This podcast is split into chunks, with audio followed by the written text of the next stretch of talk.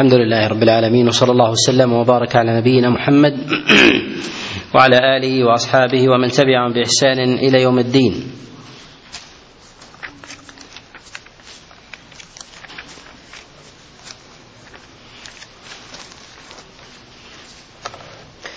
أما بعد فتكلمنا في الدرس الماضي على قول الله جل وعلا ليس البر أن تولوا وجوهكم قبل المشرق والمغرب. ويلي هذه الآية قول الله سبحانه وتعالى يا أيها الذين آمنوا كتب عليكم القصاص في القتلى الحر بالحر. الآية هذه الآية تقدم الإشارة إلى شيء من الحديث عن بعض المسائل التي نود أن نتكلم عليها في هذا المجلس. مما ينبغي أن يعلم أن الله سبحانه وتعالى أرجأ بيان الحدود على نبيه عليه الصلاة والسلام حتى يصل المدينة وتتهيأ دولة الإسلام. وذلك أن الحدود متعلقة بمنظومه بمنظومة الآمر والمأمور. وكذلك أيضا الأرض التي يستقر عليها الإنسان. ولهذا أخر الله سبحانه وتعالى الحدود إلى المدينة حتى يكتمل ذلك ذلك النظام. فإذا اكتمل ذلك النظام أوجب على هذه الأمة إقامة الحدود والحكم بما أنزله الله سبحانه وتعالى على على عباده. وهذه الآية من أوائل ما نزل على رسول الله صلى الله عليه وسلم في مسائل في مسائل الحدود. ونتكلم ابتداء على شيء من معناها على سبيل الإجمال. الله سبحانه وتعالى نادى أهل الايمان نادى أهل الإيمان في قوله يا أيها الذين آمنوا إشارة إلى أن الخطاب يتوجه إلى من تحقق في قلبه الإيمان لأنه لا يمكن لا يمكن لأحد ليس من أهل الإيمان أن يقيم حدود الله وهو لم يؤمن بها أصلا. وذلك أن الله سبحانه وتعالى جعل الخطاب يتوجه هنا يتوجه هنا إلى الحاكم والمحكوم. الحاكم يتوجه إلى إليه الخطاب في الحكم بما أنزل الله والمحكوم يتوجه إليه الخطاب بالتحاكم إلى ما أنزل الله. وإذا كان الإنسان لا يؤمن بهذه الشريعة فكيف يتوجه إليه الخطاب بتطبيق الإلزام بذلك؟ يعني أنه يقيم الحد على من خالف أمر الله وهو لا يرى أنه خالف أمر الله. ولهذا ناسب أن يكون النداء في هذه الآية إلى أهل الإيمان في قوله سبحانه وتعالى يا أيها الذين آمنوا كتب عليكم القصاص. ومعنى كتب في هذه الآية يعني فرض. عليكم. والكتب هو الجمع. والكتب هو الجمع ويسمى الكتاب كتابا لجمع أوراقه والتصاق بعضها مع بعض وكذلك المكتوب يسمى مكتوبا لإجتماع الحروف لاجتماع الحروف فيه. وكذلك الكتيبة تسمى كتيبة لاجتماع أعداد لاجتماع أعداد الناس فيها. وكذلك أيضا يقال الكاتب كاتب لأنه لأنه خبير بنظم بنظم الحروف على وجه على وجه يعرف معناه. ثم أطلق ذلك على كل على كل كاتب سواء كتب شيئا يعرف معناه أو كان ما يكتبه لا يعرف لا يعرف معناه. وفي قول الله سبحانه وتعالى كتب عليكم القصاص في القتلى. المراد بالقصاص هو إقامة الحد على الجاني بمثل ما جنى. إقامة الحد على الجاني بمثل بمثل ما جنى. وذلك على حد سواء فيما كان في النفس وما كان دونها فيما يمكن معه الاستيفاء. وما كان في النفس فإنه يمكن فيه الاستيفاء بإزهاق النفس. وما لا يمكن معه الاستيفاء لا يجوز معه القصاص. وذلك أن ما لا يمكن معه الاستيفاء حتى لو كان في ازاق النفس إما أن يكون بصوره بصورة لا تجوز. وذلك كالإنسان الذي الذي قتل شخصا بصفه بصفة محرمة. بصفة محرمة أو تنفر الطباع الطباع منها. وذلك كالإنسان الذي الذي يقوم مثلا بتقطيع أجزاء الإنسان جزءا جزءا أو أن يقوم مثلا باستدخال آلة في جوفه أو في دبره أو نحو ذلك فإن هذا فإن القصاص في ذلك مما مما يستبشع فيكون حينئذ القصاص في هذا هو أن تزهق نفسه إما بسيف وهذا هو الأصل ويأتي الكلام على مسألة على مسألة الآلة التي يحد يحد فيها في غير هذا الموضع. وأما ما يتعلق بما يمكن القصاص معه وذلك كالإنسان الذي الذي يقتل شخص يقتل شخصا إما برصاص أو بسيف ونحو ذلك فحقه إزهاق فحقه إزهاق النفس. وأما من قتل شخصا على سبيل التدرج يعني أنه قطع يده ثم بقي الجرح يثعب حتى حتى مات بعد أيام. فهل يفعل بالقاتل والجاني مثل ذلك أم لا؟ هذا محل خلاف عند العلماء. منهم من قال إنه يمكن الاستيفاء معه. ولكن مثل هذا يصعب أيضا الحكم عليه بالاستيفاء باعتبار أن الإنسان لو قطع يد غيره وقطعت يده ربما لا يموت بعد ذلك ويبرأ فيكون موته حينئذ ظني. فهل يقتل بعد ذلك قتلة؟ قتلة برصاص أو بسيف أم لا؟ هذا موضع موضع خلاف عند عند العلماء والذي عليه عامة العلماء بل ينبغي أن يكون عليه إجماع السلف أن القصاص في ذلك أن القصاص في ذلك لا بد منه وهو إزهاق نفسه. وأما الاحتمال الذي يطرأ على ذلك أن الإنسان قد يحتمل أن يكون تسبب بازاق نفسه يعني أنه لم يضمد جرحه أو لم يذهب إلى طبيب. كالذي قطعت يده أو اصبعه وتركها تنزف حتى حتى مات. فاحتمال تسببه في ذلك هذا ضعيف ضعيف وضئيل. في قول الله سبحانه وتعالى القصاص في القتلى. هنا ذكر القصاص في القتل وأما القصاص فيما دون ذلك وهو الجراحات. والله سبحانه وتعالى أوجب القصاص في القتلى يعني في النفس وما دون ذلك في قوله والجروح قصاص. يعني ينبغي أن تكون الجراحات كذلك أيضا إذا قطع الإنسان يد غيره تقطع يده. وكذلك أيضا الأصبع والأذن والعين والسن وأمثالها من اعضاء من أعضاء الإنسان. وهذا مما لا خلاف فيه عند عند العلماء. وفي هذا إشارة إلى شيء إلى شيء من التدرج وذلك أن الله سبحانه وتعالى أوجب أول ما أوجب ما يتعلق بالذنب الأعظم في مسألة الجراحات وما يتعلق بالأنفس. فأوجب الله سبحانه وتعالى فأوجب الله جل وعلا الحد في قتل النفس. ثم فصله الله سبحانه وتعالى بعد ذلك بجملة من الآي ببيان القصاص فيما دون ذلك فيما يتعلق فيما يتعلق بالجراحات. وقول الله سبحانه وتعالى هنا الحر بالحر والعبد بالعبد والأنثى والأنثى بالأنثى. اعتادت العرب على عدم المساواة في الدماء على عدم المساواة في الدماء فيما يتعلق في أمر الرجل والمرأة وكذلك الحر والعبد.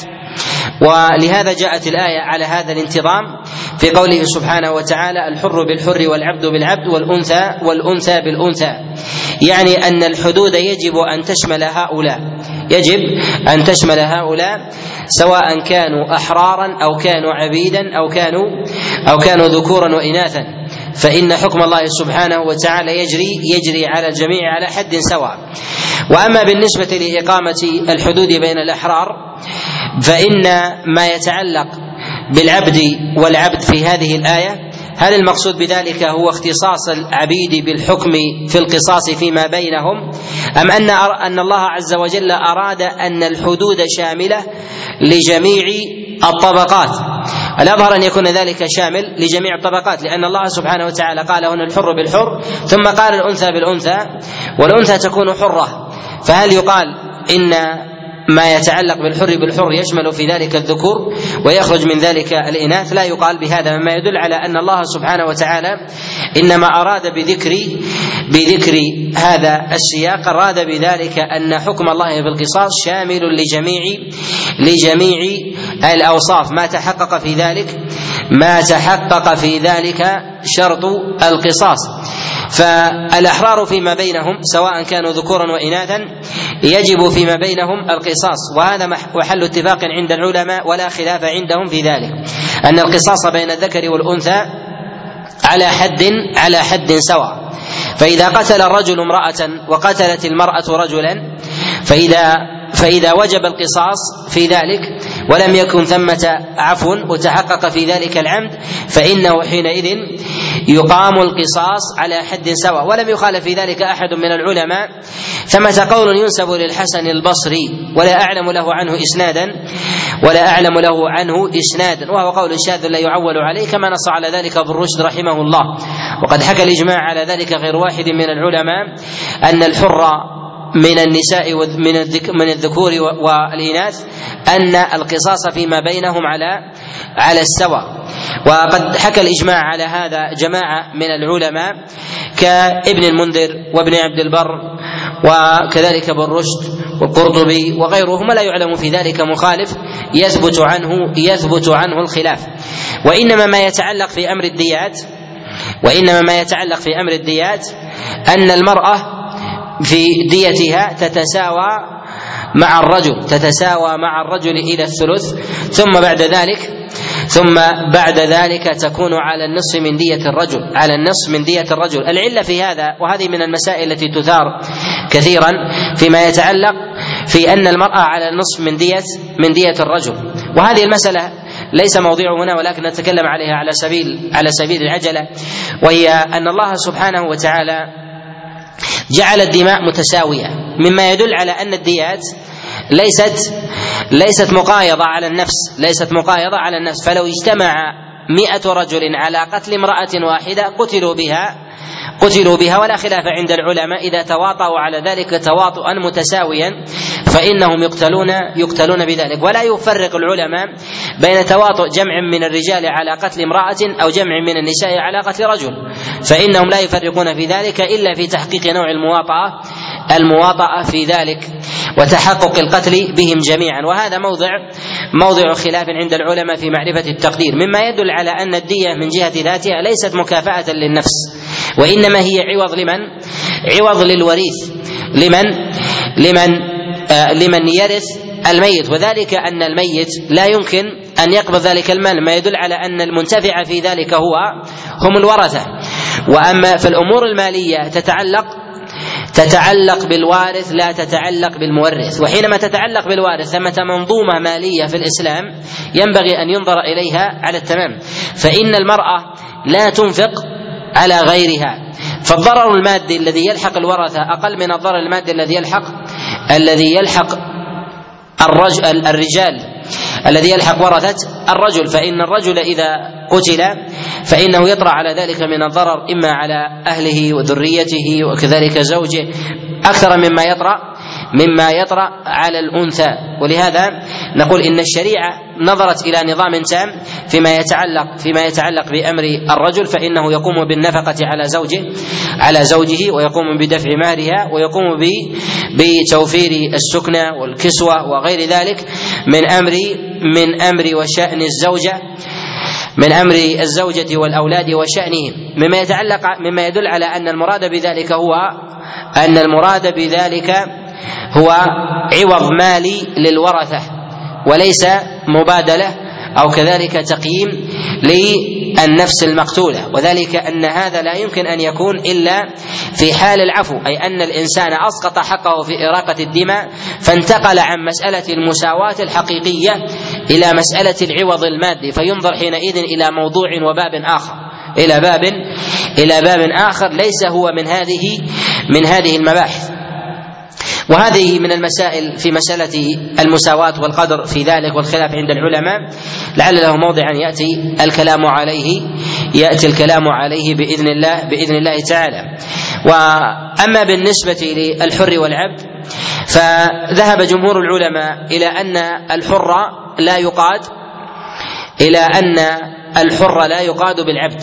إلى أن الحر لا يقاد لا يقاد بالعبد. ومن العلماء من قال إنه يقاد يقاد به. وهذا وهذا ذهب إليه بعض الفقهاء كابن أبي ليلى وداود وداود الظاهري وداود الظاهري. وهذه المسألة من المسائل التي لا دليل فيها عن رسول الله صلى الله عليه وسلم يقيد في ذلك وإنما يأخذ بعض العلماء ببعض القرائن وعمل وعمل جماعة جماعة من من السلف من الصحابة من الصحابة وغيرهم وأما بالنسبة للعبد بالنسبة للحر مع الحر إذا قام بقتله أو بجراحه فهذا فهذا عند عامة العلماء أنه أنه يقاد يقاد به يقاد يقاد به بل حكي الإجماع الإجماع على ذلك وأما بالنسبة للأب مع مع ابنه إذا قام الأب بقتل ابنه هل يقاد به هل يقاد به أم لا؟ ذهب جمهور العلماء إلى ان إلى أنه لا يقاد به وبعضهم قيده بأنه إذا قتله غيلة بمعنى قتله قتلة بشعة يعني إذا ذبحه بسكين وقام بنحره أو قام بصبره جعل بأن جعل ابنه منصوبا فقام بضربه ضربا متتاليا حتى قتله. قالوا فهذا يقتل به وأما ما عدا كأن يكون رمى عليه شيئا ونحو ذلك فإنه فإنه لا يقاد لا يقاد به. وذهب إلى هذا وذهب إلى هذا جماعة من العلماء وهو قول وهو قول الجمهور. وفي قوله سبحانه وتعالى فمن عفي له من أخيه شيء. العفو المراد بذلك أن ولي الدم إذا أسقط حقه في ذلك فإنه يسمى يسمى عافيا. يعني عفى عن حقه. والعفو هنا يتحقق من أحد الورثة. إذا تحقق من واحد سقط في ذلك سقط في ذلك القصاص لأن الدم لأن الدم لا يتجزأ.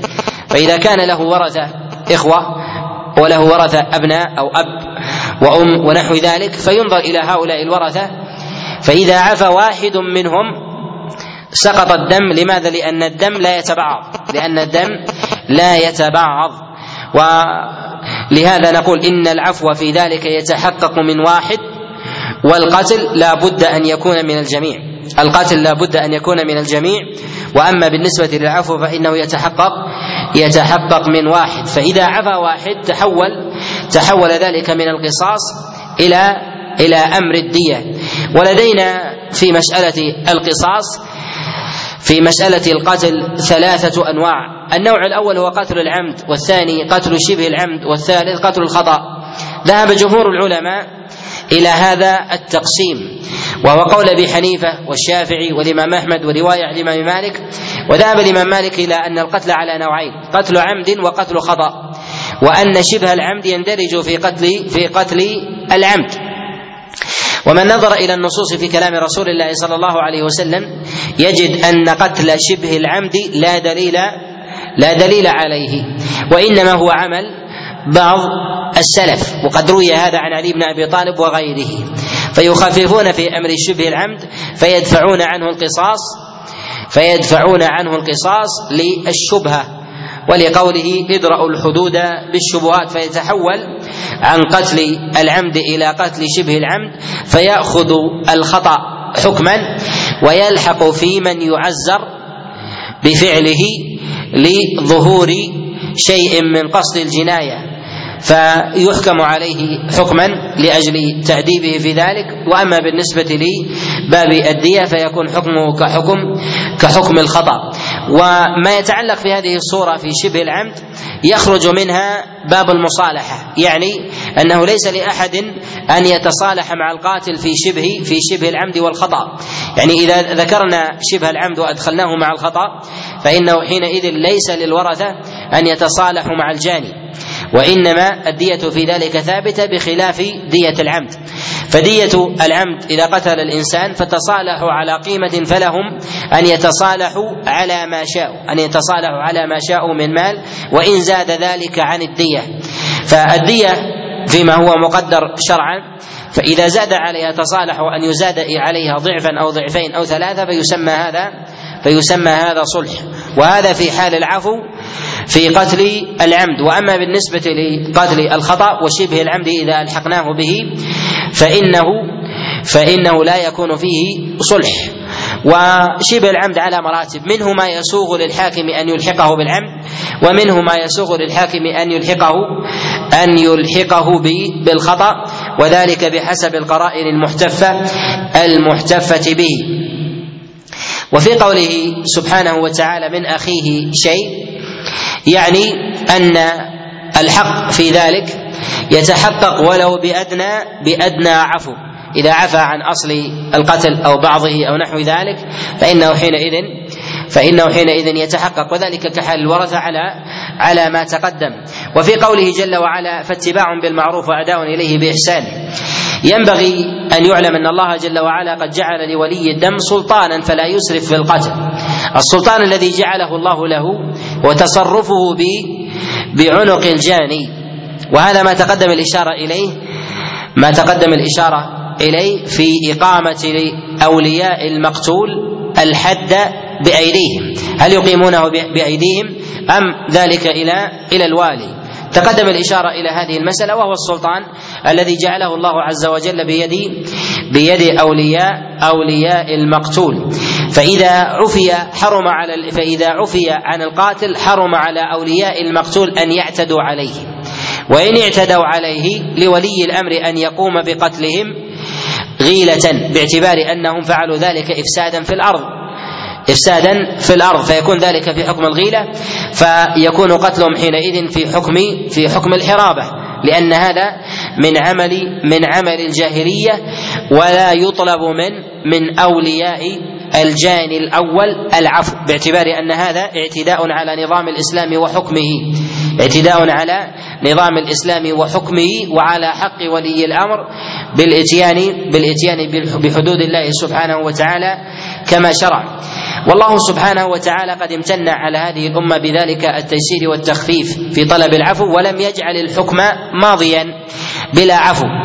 ولهذا وصف الله عز وجل تقريره ذلك بأنه تخفيف أي تيسير من الله وعدم تشديد على هذه على هذه الأمة. وهذا من الأمور التي رفعها الله عز وجل عن هذه الأمة مما كان على الأمم مما كان على الأمم السابقة.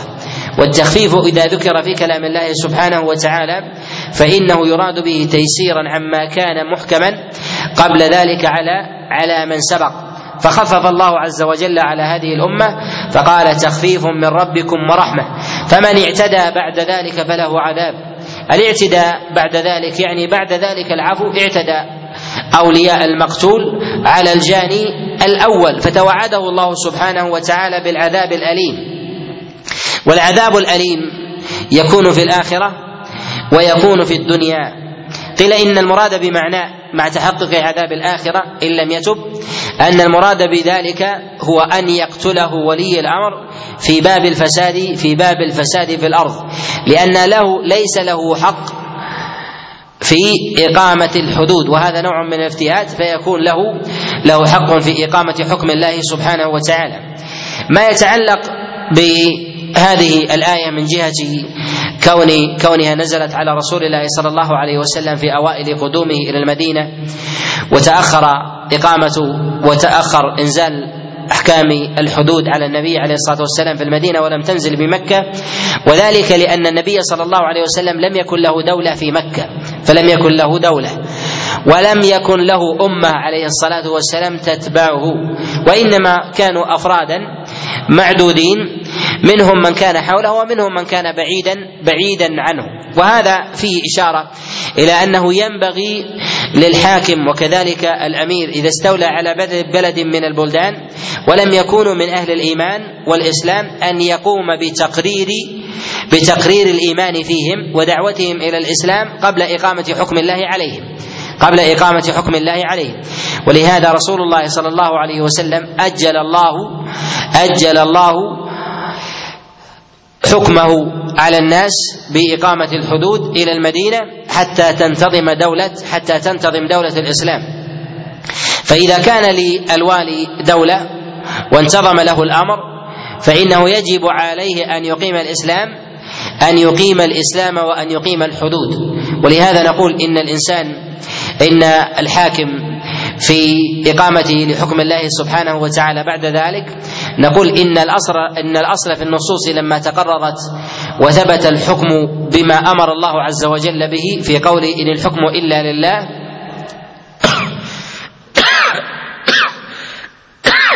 وجب على الإنسان أن يأتي بحكم الله بحكم الله جل وعلا. وألا يخالفه وأما الاستدلال بالتدرج في هذا نقول إن التدرج في ذلك إنما كان من رسول الله صلى الله عليه وسلم حينما كان في بلد في بلد كفر قبل قبل أن يستقر له نظام. وبهذا نعلم أن المسلمين إذا كانوا في دار حرب أو في دار كفر فإنهم لا يقيمون الحدود على من خالف منهم. كحال الذين مثلا يجاهدون في الثغور أو الذين يستولون على بعض البلدان التي لا, تعرف من الإسلام شيئا أو يعرف آحادهم الإسلام. فنقول حينئذ ليس لهم أن يقيموا حدود الله فيها حتى يعلموا الناس حكم الله في هذه في هذه الأفعال. وذلك أنه لا يناسب أن الإنسان يقيم حكم الله عز وجل وأن يقيم الحدود على أناس لا يعلمون أن القذف محرم أو الزنا محرم أو أن شرب الخمر محرم. حتى يبين لهم الإنسان ذلك. ثم إذا بين لهم ذلك أقام عليهم أقام عليهم الحدود. فالتدرج حينئذ هو هو بفعل الحاكم. هو بفعل الحاكم هو النص لديه محكم. فلم يكن ثمة تبديل. فلم يكن ثمة تبديل. وذلك يختلف عن حال رسول الله صلى الله عليه وسلم. فإن النبي قبل ذلك بمكة لم يكن لديه لم يكن لديه الحكم تاما من ربه. ولم يؤجله. ولو كان لديه الحكم تاما لم يسع النبي عليه الصلاة والسلام إلا إلا الحكم بما أمر الله عز وجل به. ولكن الله أجله بعد ذلك حتى تستقر دولة الإسلام. فيكون الخليفة والوالي خليفة خليفة لله سبحانه وتعالى في الأرض. فإذا ولي بلدا أو كان في بلد في بلد لا تقر بشريعة الله سبحانه وتعالى جملة وتفصيلا فإنه لا يقيم فيهم لا يقيم فيهم الحدود حتى يعلمهم حكم الله سبحانه وتعالى. وهذا يتشبث في ويقيم من عمل بهدي رسول الله صلى الله عليه وسلم بالقيام بالدعوة. لا أن يستولي أحد من المسلمين على بلد من البلدان فيعطل دعوة المسلمين دعوة المشركين إلى الإسلام وبيان حكم الله لهم ويعطل حكم الشريعة أيضا بحجة أن النبي لم يحكم على بلد فعطل الأمرين. فهذا قرينة على اتباع الهوى. لا التدرج في في أحكام في أحكام دين الله. ولهذا نقول إن التدرج الذي كان فيه رسول الله صلى الله عليه وسلم من ربه في إنزال الوحي ينبغي أن يكون على تلك الحال بعيدا عن هوى النفس في عجلة أو تهاون في عجلة أو تهاون. ولهذا نستطيع أن نقول إن أحوال المسلمين إن أحوال المسلمين في أبواب الحدود أو أحوال دولة الإسلام في أبواب الحدود لا تخرج من حالين. الحالة الأولى في حال قيام دولة الإسلام واستقرارها. فهذا يجب ولا خلاف عند العلماء في ذلك. لا من متقدم ولا من متأخر. وذلك لأن الله سبحانه وتعالى جعل حكمه عبادة. فقال سبحانه وتعالى إن الحكم إلا لله أمر أن لا تعبدوا إلا إياه. وقال الله جل وعلا ومن لم يحكم بما أنزل الله فأولئك هم الكافرون. الخطاب في ذلك يتوجه إلى السلطان والحاكم أنه يجب عليه أن يحكم في حال استقرار الأمر له. والنبي عليه الصلاة والسلام من نظر إلى حاله في المدينة يعرف وصف الاستقرار. النبي قدم المدينة ثم قام بإقامة الحدود وفي المدينة يهود. وفي المدينة وفي المدينة يهود. فقام فأقام عليه الصلاة والسلام الحد على المسلم على المسلم وغيره. ولهذا نقول إن إقامة الحدود هي أن يكون لدى الحاكم أرض يملك يملك فيها الأمر وأن يكون له رعية تفقه أحكام الشريعة من جهة الذنوب التي يقترفونها. فلا يقيم الحد في مجتمع كله لا يعلمون أن شرب الخمر محرم حتى يبين أن الخمر محرم ثم بعد ذلك ثم بعد ذلك يقيم يقيم الحدود عليهم. وهذا يتباين بحسب بحسب الحد الذي يجهله الناس أو لا يجهلونه. ومن نظر إلى أحوال المسلمين في الزمن المتأخر يجد أنه لا يكاد بلد من بلدان المسلمين إلا ويعلمون حكم الله عز وجل في الدماء وحكم الله في الخمر وحكم الله في الزنا. وحكم الله في القذف فيعلمون أن هذه من الأمور المحرمة. ولكن ما يتعلق هنا في بيان في بيان تلك المراتب على سبيل التفصيل فربما احتاج المسلمون في بلد نائي أو نحو ذلك إلى شيء من ذلك فيبين هذا فيبين هذا الأمر. لهذا في حال استقرار دولة الإسلام وأن يكون الحاكم قد وضع يده عليها وجب عليه أن يقيم الحدود مباشرة. لأن النبي صلى الله عليه وسلم قدم المدينة فنزلت عليه الآيات في إقامة الحدود والقصاص فكان أول دم أقامه النبي عليه الصلاة والسلام وهو في سفره إلى إلى تبوك وهو في سفره إلى تبوك. كما جاء ذلك ويأتي الإشارة إليه ويأتي الإشارة إليه بإذن الله بإذن الله تعالى. الحالة الثانية في حال عدم وجود دولة للإسلام أو عدم الاستقرار أو عدم الاستقرار وذلك كأن يكون المسلمون مثلا في دار الحرب يقاتلون أو أن يكونوا مثلا في في غربة يطردون. فنائين فليسوا في دار حرب وليسوا في دار وليسوا في دار إسلام. وذلك كحال النبي صلى الله عليه وسلم حينما طرد من مكة. وذهب النبي عليه الصلاة والسلام إلى الطائف ثم ذهب النبي عليه الصلاة والسلام بعد ذلك من مكة إلى إلى المدينة. فهذه الحال هل تقام فيها الحدود أم لا؟ هل تقام فيها الحدود أم لا؟ أولا العلماء بعضهم يفرق بين وجود دولة للإسلام يرجع إليها عند الحاجة لمن كان مسافرا أو نائيا أو طريدا عنها. قالوا يجب إقامة الحدود ما استقرت للمسلمين دولة. ولكن ولكن التحقيق في ذلك أن يقال إن المسلمين إذا كانوا في دار حرب أو كانوا مطرودين أو كانوا مطرودين فإنه ليس لهم أن يقيموا حدود الحدود فيما بينهم. إذا كان ذلك في حق الله عز وجل المحض إذا خشي من من على من يقام عليه الحد أن يلحق بالمشركين. إذا خشي ذلك بمن يقيم بما إذا خشي على من يقام عليه الحد أن يلحق بالمشركين. لهذا نقول إن المسلمين في حال عدم استقرار دولتهم في حال عدم استقرار دولتهم أو كانوا في دار في دار حرب نقول إن أمرهم في دار الحرب من جهة الحدود لا تخلو الحدود في ذلك من نوعين. الحدود في دار الحرب على نوعين. حدود الحق في ذلك للإنسان. الحق في ذلك للإنسان. فإذا كان الحق للإنسان وجب أن يقام في ذلك الحد وذلك كحال القتل. كحال القتل. وهذا محل اتفاق عند العلماء ولا أعلم فيه مخالفا ولا أعلم فيه مخالفا. فإذا قتل مسلم مسلما في الغزو فإنه فإنه يقتل به إذا كان إذا كان عمدا ولم يعفو ولم يعفو الورثة. فهذا في حق في حق الإنسان. والدليل على ذلك ما رواه ابن إسحاق في كتابه السيرة عن عمرو بن شعيب قال أن رسول الله صلى الله عليه وسلم لما كان في مسيره إلى الطائف في غزوة الطائف وحصارها قتل النبي صلى الله عليه وسلم رجلا. قتل النبي صلى الله عليه وسلم رجلا قتل رجلا من المسلمين. وهذا أول دم أول دم قيد به في الإسلام.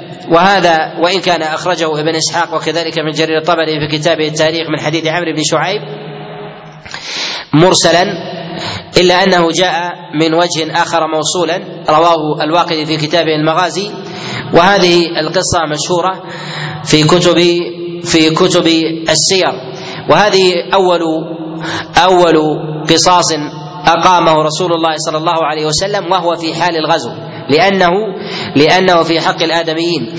النوع الثاني من الحدود ما كان حقا لله ما كان حقا حقا لله.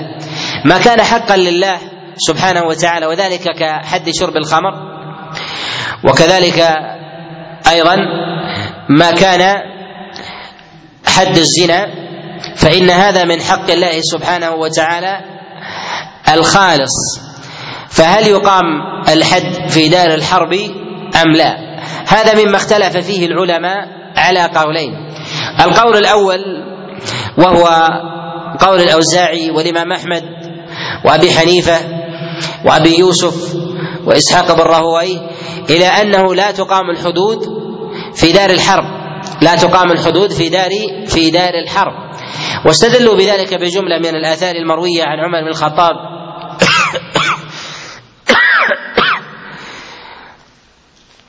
بما جاء عن عمر بن الخطاب عليه رضوان الله وكذلك أيضا ما جاء النبي عليه الصلاة والسلام ولا تخلو أسانيدها من اعلال قد روى الإمام أحمد في كتاب المسند وأبو داود والترمذي من حديث جنادة بن أبي أمية عن بشر ابن أرطاد أن رسول الله صلى الله عليه وسلم قال لا تقطع الأيدي الأيدي في السفر. وجاء في بعض المرويات لا تقطع الأيدي في الحرب. وهذا الحديث قد أعله غير واحد من العلماء واستغربه الترمذي. وذلك أن بشر لا تعرف له لا يعرف له سماع من النبي عليه الصلاة والسلام. وقد نص على عدم سماعه منه غير واحد من العلماء كابن معين وأحمد بن حنبل. وكذلك نص عليه الشافعي رحمه الله كما في كتابه الأم. وأشار إلى هذا البيهقي عليه رحمة الله. وحكاه ابن عبد البر رحمه الله في كتابه الاستذكار. وجاء عن عمر بن الخطاب عليه رضوان الله أنه كتب إلى الأجناد لا يقيموا حدا حتى لا تأتيه حمية الشيطان فيلحق بالمشركين. وأن يؤجلوا القصاص حتى حتى رجوع حتى حتى رجوعهم يعني إلى بلد المسلمين. هذا الحديث هذا الأثر قد جاء عن عمر بن الخطاب من طرق متعددة. جاء من حديث حكيم من حديث حكيم بن عمير عن عمر بن الخطاب عليه رضوان الله. قد رواه عن حكيم جماعة رواه الأحوص بن حكيم عن أبيه والأحوص قد ضعفه بعض الأئمة ولكن تابعه عليه ثور ابن يزيد. وقد جاء من وجه آخر أيضا عن عمر بن الخطاب عليه رضوان الله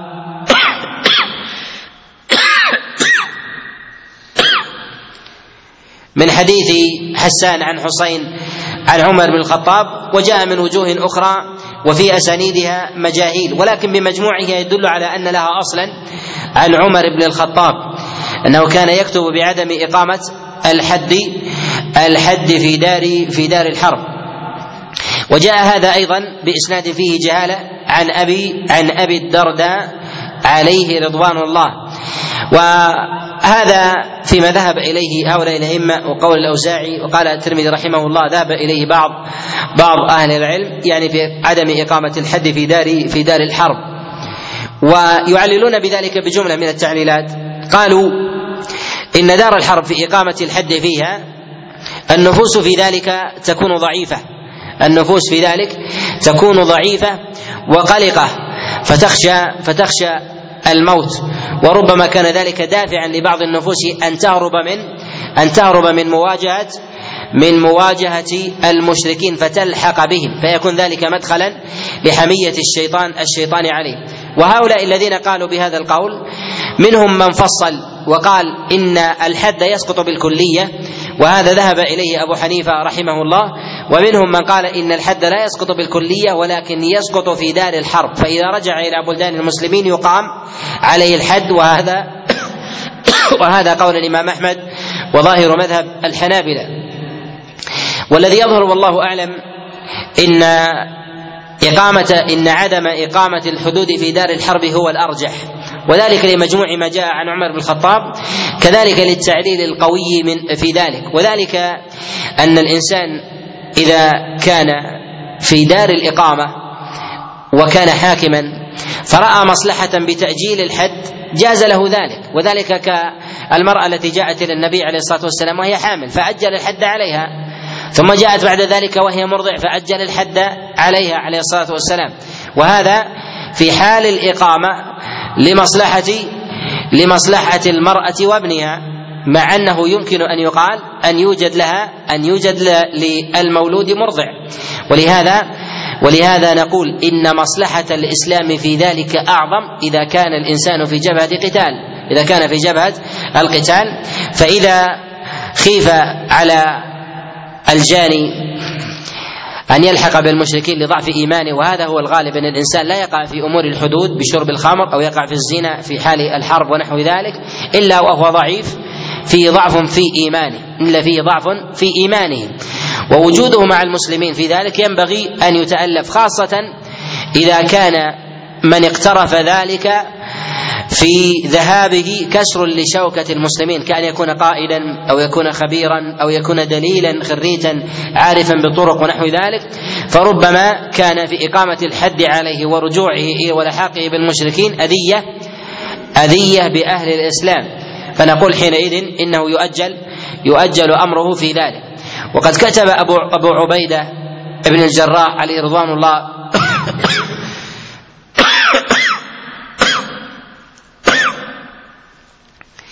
في جماعة في جماعة شربوا شربوا الخمر في غزوة و ولم يأته وممن ممن شرب الخمر ضرار ابن الأزور عليه رضوان الله وقال له لا تقم علي الحد حتى أرجع فربما ألقى الله. يعني ربما يكون ذلك ربما يكون وجودي في هذه الجبهة موضع للقتل فلم يحده عليه رضوان الله وقتل ضرار. ثم أقام الحد بعد ذلك على رجلين شرب شرب الخمر. وفي ذلك يرجع فيه إلى يرجع فيه إلى مصلحة قائد الجيش وقائد المسلمين. ومصلحته في ذلك ينظر إذا كان الإنسان من أهل الإيمان والثبات في هذا فإنه حينئذ فإنه حينئذ يقام عليه الحد. وإذا كان ممن يضعف ممن يضعف تضعف حاله ونحو ذلك فإنه يؤجل يؤجل عليه الحد على قول جماعة من العلماء وقول الإمام أحمد وإسحاق. وأبو حنيفة رحمه الله يرى سقوط الحد على الإطلاق في دار الحرب وأنه لا تقام. لا تقام الحدود على الإطلاق. وذلك لأن المسلمين في مهمة أعظم في صراع بين الكفر والإيمان. ويستثني أبو حنيفة رحمه الله حالة واحدة. قال إذا كان الإمام الأعظم حاضرا. إذا كان الإمام الإمام الأعظم حاضرا لا أمير الجيش. لا أمير الجيش والجند. قال فإذا كان حاضرا فإنه هو الذي يقيم فإنه هو الذي يقيم يقيم الحد. القول الثاني قالوا بوجوب إقامة الحد في الحل والسفر في الحرب وغيرها في الحرب وغيرها. وهذا هو القول قول الإمام مالك رحمه الله وليث بن سعد والإمام الشافعي وشدد الشافعي أيضا في هذه المسألة وقال بالإقامة على كل على كل حال. واستدلوا بهذا بما جاء من حديث مكحول بما جاء في حديث مكحول عن عبادة بن الصامت أن رسول الله صلى الله عليه وسلم قال أقيموا الحدود في الحضر والسفر وعلى القريب والبعيد ولا تأخذكم بالله لومة لائم. وهذا الحديث لا يصح إسناده فإن مكحول لم يسمعه من عبادة ابن الصامت كما نص على ذلك غير واحد غير واحد من الحفاظ. واستدلوا أيضا بأن النبي صلى الله عليه وسلم أقام أقام الحد على من قتل رجلا حينما كان في مسيره إلى تبوك على ما تقدم الإشارة إليه. ولكن نقول هذا هو خارج عن مبحثنا. وذلك إن إقامة الحد في مثل هذا إن إقامة الحد في مثل هذه المسألة ليست من هذه المباحث على ما تقدم تأصيله وذلك أن الحق للآدمي الحق للإنسان. وذلك أن المصلحة التي يدفع فيها إقامة الحد في دار الحرب هو خشية أن يلحق الإنسان بالمشركين. ولكن إذا قتل نفسا ثم لم لم يقم الحد عليه فإن له أصحاب وله ورثة ذلك المقتول. فربما قاموا بقتله فكان الخلاف والفرقة حاصلة ومتحققة في وسط المسلمين وربما وربما لحق أيضا بالمشركين قبل أن يقام عليه الحد. ثم أيضا إن إقامة الحد على القاتل إقامة الحد على القاتل يظهر تضعف فيها العلة أو تنعدم من جهة لحاقه باعتبار أننا إذا أقمنا عليه الحد حد القاتل وهو القصاص أنه يقتل بذلك يقتل بذلك وتنتفي في هذا المفسدة. تنتفي في هذا المفسدة فإنه ليس بحي بخلاف الإنسان الذي يقام عليه الحد في حد مثلا في حد شرب الخمر أو حد الزنا إذا لم يكن محصنا فإنه ربما بعد حده يذهب أو تأخذه حمية الجاهلية. أنني أقمت مع مع المسلمين لنصرتهم فقاموا بإقامة الحد عليه فيلحق بالمشركين وهذا يكون عند الإنسان إذا لحقته حمية مع جهل مع جهل متحقق فيه. وبهذا نعلم أن المسلمين الذين يجاهدون في سبيل الله في كثير من الثغور أنه ينبغي لهم في حال عدم استقرار الدولة ألا يقيموا الحدود تنظيما يعني ألا يجعلوها نظاما نظاما على على الناس حتى يستقر لهم الأمر. لماذا؟ خشية أن تأخذ الحمية الحمية الضعفاء أو من يرغب أن يلحق بلوائهم أو من يرغب أن يلحق بلوائهم ومن رأوا منه قوة الإيمان فيقيمون الحد الحد عليه. ولهذا نقول إن إقامة الحد هي مرتبطة برأي مرتبطة برأي أمير الجيش. مرتبطة برأي أمير الجيش. فإذا رأى أن في من أصاب حدا أنه لا يلحق بالمشركين اذا اقيم عليه الحد لقوة إيمانه أو لحميته في ذاته ضد المشركين فإنه حينئذ يجب عليه أن يقيم الحد. ولكن لا بد أن يكون في المسلمين من إذا أصاب حدا من إذا أصاب حدا فأقيم عليه الحد مع ضعف إيمانه خاصة في الأزمنة المتأخرة الذي كثير من المسلمين فيه يقاتلون ربما لأجل الحمية الوطنية أو ربما لأجل حمية القبيلة أو العرق أو البلد أو ربما لأجل المال ونحو ذلك. فيكون في المسلمين من ينضوي تحت لوائهم ونيته مشوبة بشيء. ولهذا نقول إنه في حال عدم استقرار دولة الإسلام وعدم وجود أرض يستقر فيها الناس كذلك أيضا عدم وجود استقرار منظومة الإسلام من جهة السمع والطاعة فتوفر في ذلك الحاكم والمحكوم فإن الأولى في ذلك الا يقام الحد على الجميع الا يقام الحد على الجميع وإنما ينظر بحسب بحسب الحال. وأما في حال استقرار الأمر فإنه يقام هذا تقام الحدود ولا خلاف عند العلماء في ذلك. وهنا مسألة وهي يتكلم عليها كثيرا خاصة في هذه في هذه الأيام. وما يتعلق في البلدان الإسلامية التي التي جاءت فيها الثورات وزال فيها حكام كثر متعددون فاستقر أمر أحزاب إسلامية أمر أحزاب إسلامية عليها. فهل يجب عليهم وجوبا أن يقيموا حدود الله فيها أم لا؟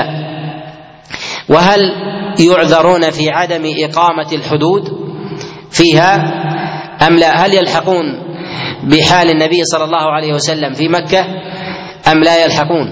نقول إن النبي صلى الله عليه وسلم قدم المدينة وفيها اليهود وفيها منافقون والناس يتربصون أيضا برسول الله صلى الله عليه وسلم ممن حوله ومع ذلك كان يقيم كان يقيم الحدود. لهذا نقول إن الأحزاب الإسلامية التي تسيطر على دول إسلامية من أعظم ذنبها في حق الله سبحانه وتعالى أن تعلن أنها لا تريد تحكيم الشريعة. وهذا حتى على خلاف العلماء لا يأتي حتى على خلاف العلماء لا يأتي. فالعلماء حينما يقولون هو إسقاط إسقاط حد في نازلة أو في حال لا إسقاط تحك وإعلان وإعلان عدم تحكيم شريعة الله في الأرض. فهذا محادة لله ولرسوله. ولهذا الواجب عليهم في ذلك إذا إذا استقر لهم الأمر أن يحكموا أمر الله سبحانه وتعالى ولا حرج عليهم أن يسقطوا الحد عن نازلة بعينها أو عن فرد بعينه وهذا لا يعني تعطيلا لأصل لا يعني تعطيلا لأصل الحكم. إذا تحققت مفسدة في يرونها متيقنة وحكم في ذلك أهل العقل والديانة ان أنه إذا أقيم الحد في تلك النازلة ونحو ذلك فإنه ربما ربما لحق أولئك بالمشركين أو ثارت ثائره عدو عليهم فإنهم حينئذ لا حرج عليهم أن يسقطوا الحد عن نازلة لا عن مجموع حكم الله لا عن مجموع لا عن مجموع حكم الله. وما يجب في حكم الله سبحانه وتعالى هو في حال توفر حاكم ومحكوم. حاكم ومحكوم. أما الحاكم فهو في قول الله جل وعلا ومن لم يحكم بما أنزل الله فأولئك هم الكافرون. وأما بالنسبة للمحكوم وهذا ظاهر في قول الله جل وعلا فلا وربك لا يؤمنون حتى يحكموك فيما فيما شجر شجر بينهم. وأما ما يتعلق بامر وأما ما يتعلق بأمر الإعلان الذي نسمعه بين فينة وأخرى بمن بمن يرشح إلى بعض الأحزاب أنني لن أفعل كذا ولن أفعل كذا ولن أفعل كذا. فهذا فهذا من الوهن فهذا من الوهن ممن يقول إننا لا نقيم الحدود أو لا نقيم الشريعة أو أو لا نريد أن نواجه من يشربون الخمر أو الزنات أو العراة أو نحو ذلك. فهذا فهذا من الخطأ في دين الله سبحانه وتعالى. ولا حرج على الحاكم إذا كان في زمن فتنة أو في زمن ضعف أن يسكت عن عن إقامة الدين لا أن يبدي تبديلا لدين الله لا أن يبدي تبديلا لدين الله وفرق بين هاتين الحالتين. والحالة التي يكون فيها الإنسان في حال ضعف لا حرج عليه لا حرج عليه أن يسكت عما يريد أن يبيته من من حكم على الناس من بيان حالهم وكذلك تسيير نظامهم خاصة في الأنظمة خاصة في الأنظمة الوضعية التي استحكمت على بلدان لعقود طويلة كما يحدث في زمننا هذا في تونس وكذلك في مصر وفي ليبيا وفي المغرب ونحو ذلك. فاستغرقت في الناس وكذلك تأصلت وتجذرت وتجذرت فيها فيهم تلك المفاهيم وكانت تلك الأنظمة. لدول غربية وتقوم بحمايتها.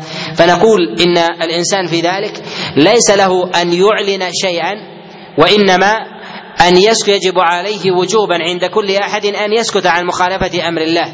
لا أن يتودد للناس بمخالفة أمر الله سبحانه وتعالى ولا حرج عليه إذا عرف إذا عرف ما يريده الناس من دين الله سبحانه وتعالى ومن إقامة الحدود أن يحيل الأمر إلى ما يريده الناس إذا كان يعلم أنهم يريدون الإسلام فيقول إن الأمر إن الأمر ما يقضي به ما يقضي به الناس. والدليل على ذلك أن النبي صلى الله عليه وسلم حينما جاءه اليهود أرادوا أرادوا أن يحكم فيهم. بأمر الله عز وجل أحاله أحالهم النبي صلى الله عليه وسلم إلى ما في كتابهم لعلمهم أن ما في كتابهم يوافق يوافق أمر الله سبحانه وتعالى. ولهذا إذا تيقن الإنسان أن أمر العامة على هذا الأمر لا حرج عليه أن يحيل الأمر إليهم وهذا ما يسمى ما يسميه البعض بالنظام الديمقراطي وهو نظام إذا نظر الإنسان إليه بمجموعه يجد أنه ينطوي على كثير من أصول الفساد وأظهر أصول الفساد فيه. أن نظام النظام الديمقراطي في ذاته لا يمكن أن يتحقق إلا إلا بالنظر بإقامة بإقامة هذا النظام على ذلك النظام. وذلك أن نظام أن أي نظام في الأرض يبطل نفسه لا يمكن أن يكون أن يكون صحيحا. النظام الديمقراطي هو حكم حكم الأغلبية. فإذا اختارت الأغلبية عدم حكم الأغلبية. فهل هذا فهل هذا النظام يكون صحيحا أو لا؟ أو ليس ليس بصحيح. لا يمكن أن يكون أن يكون صحيحا. فإذا قلنا إن هذا دستور وهو نظام الديمقراطية وهو حكم الأغلبية ثم أتينا إلى بلد من البلدان وقلنا في هذا البلد ما رأيكم بنظام الديمقراطية. فذهب الأغلبية إلى عدم الحكم بالديمقراطية. فهل تنتقض الديمقراطية أو لا تنتقض؟ على الديمقراطية. نقول نقضت الديمقراطية الديمقراطية. فهذه ديمقراطية تنقض بعضها والنظام إذا نقض بعضه بنا نفسه بنفسه ليس بنظام ليس بنظام بنظام صحيح. ولهذا الديمقراطية لو أخذت في بلدان المسلمين على أنها دستور هل يراد أن يحكم بها؟ قبل أن تفتح. قبل أن تفتح لاختارت الشعوب عدم عدم القبول بها. ولكن هم يفرضون النظام ولا يجعلون ولا يجعلون لأحد عليه عليه حكما. وهذا من جهة الفرض كفرض المسلمين لحكم الله ولا يقبلون فيه مساومة ويوجبون فيه ويوجبون على الناس أن يفتح. وأما من يقول إنكم تستبدون بفرض حكم الله عز وجل على الناس وأنه لا يقبل الشورى كذلك تستبدون بفرض الديمقراطية قبل قبل مشاورة الناس على تطبيق الديمقراطية فإذا وضع للديمقراطية دستور ووضع كذلك أيضا للإسلام دستور فاستفتى الناس على ذلك فهذا يمكن أن يقال أنه يجري على نظام على نظام الديمقراطية ولكن يستبدون ويأمرون بها الشعوب ويأمرون الدول بوجوب إقامتها فيهم.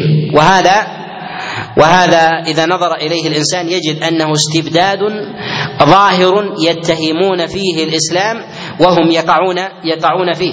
ولهذا يحاربون الشعوب ويقتلون ويقتلون الأنفس بطائرات وصواريخ وربما ويحتلون بلدان لأجل ماذا؟ لأجل تطبيق تطبيق الديمقراطية. وحينما يجاهد المسلمون في سبيل الله لإقامة دين الله فيقولون هذا هذا من الاستبداد. وهذا هذا من الاستبداد وهذا من الإرهاب.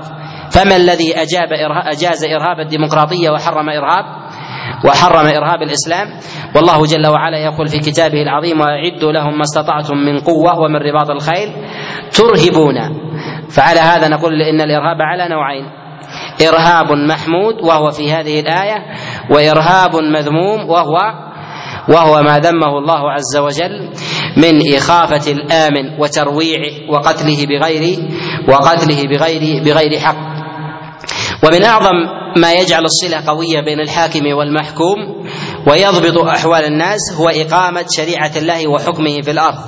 ولهذا جاءت شريعة الإسلام وهو حكم الله سبحانه وتعالى على نبيه عليه الصلاة والسلام لما جاء في المدينة فإن الحاكم الذي ليس له نظام في الناس يربطه بينهم من جهة العقوبة ومن جهة أيضا ومن جهة الحدود ونحو ذلك لا يمكن أن يكون لا يمكن أن يكون له هيبة ولا شوكة. فأراد النبي فأراد الله عز وجل لنبيه عليه الصلاة والسلام استقرار الأمر بإقامة شريعته في إقامة شريعته على الناس حتى يهاب عليه الصلاة والسلام. ولهذا الدولة التي لا نظام فيها لا ترهب والدولة التي لا تقيم حكم الله سبحانه وتعالى لا تقيم حكم الله جل وعلا لا يهابها لا يهابها أحد. ولهذا رسول الله صلى الله عليه وسلم نصره الله بالرعب. نصره الله عز وجل بالرعب مسيرة شهر كامل. وهذه المسيرة ما كانت إلا لما قذفه الله عز وجل في قلوب خصومه من شدته عليه الصلاة والسلام في أمر دين الله سبحانه وتعالى أنه كان لا يأخذ عليه الصلاة والسلام في أبواب الحدود تأخذه في الله لومة لائم.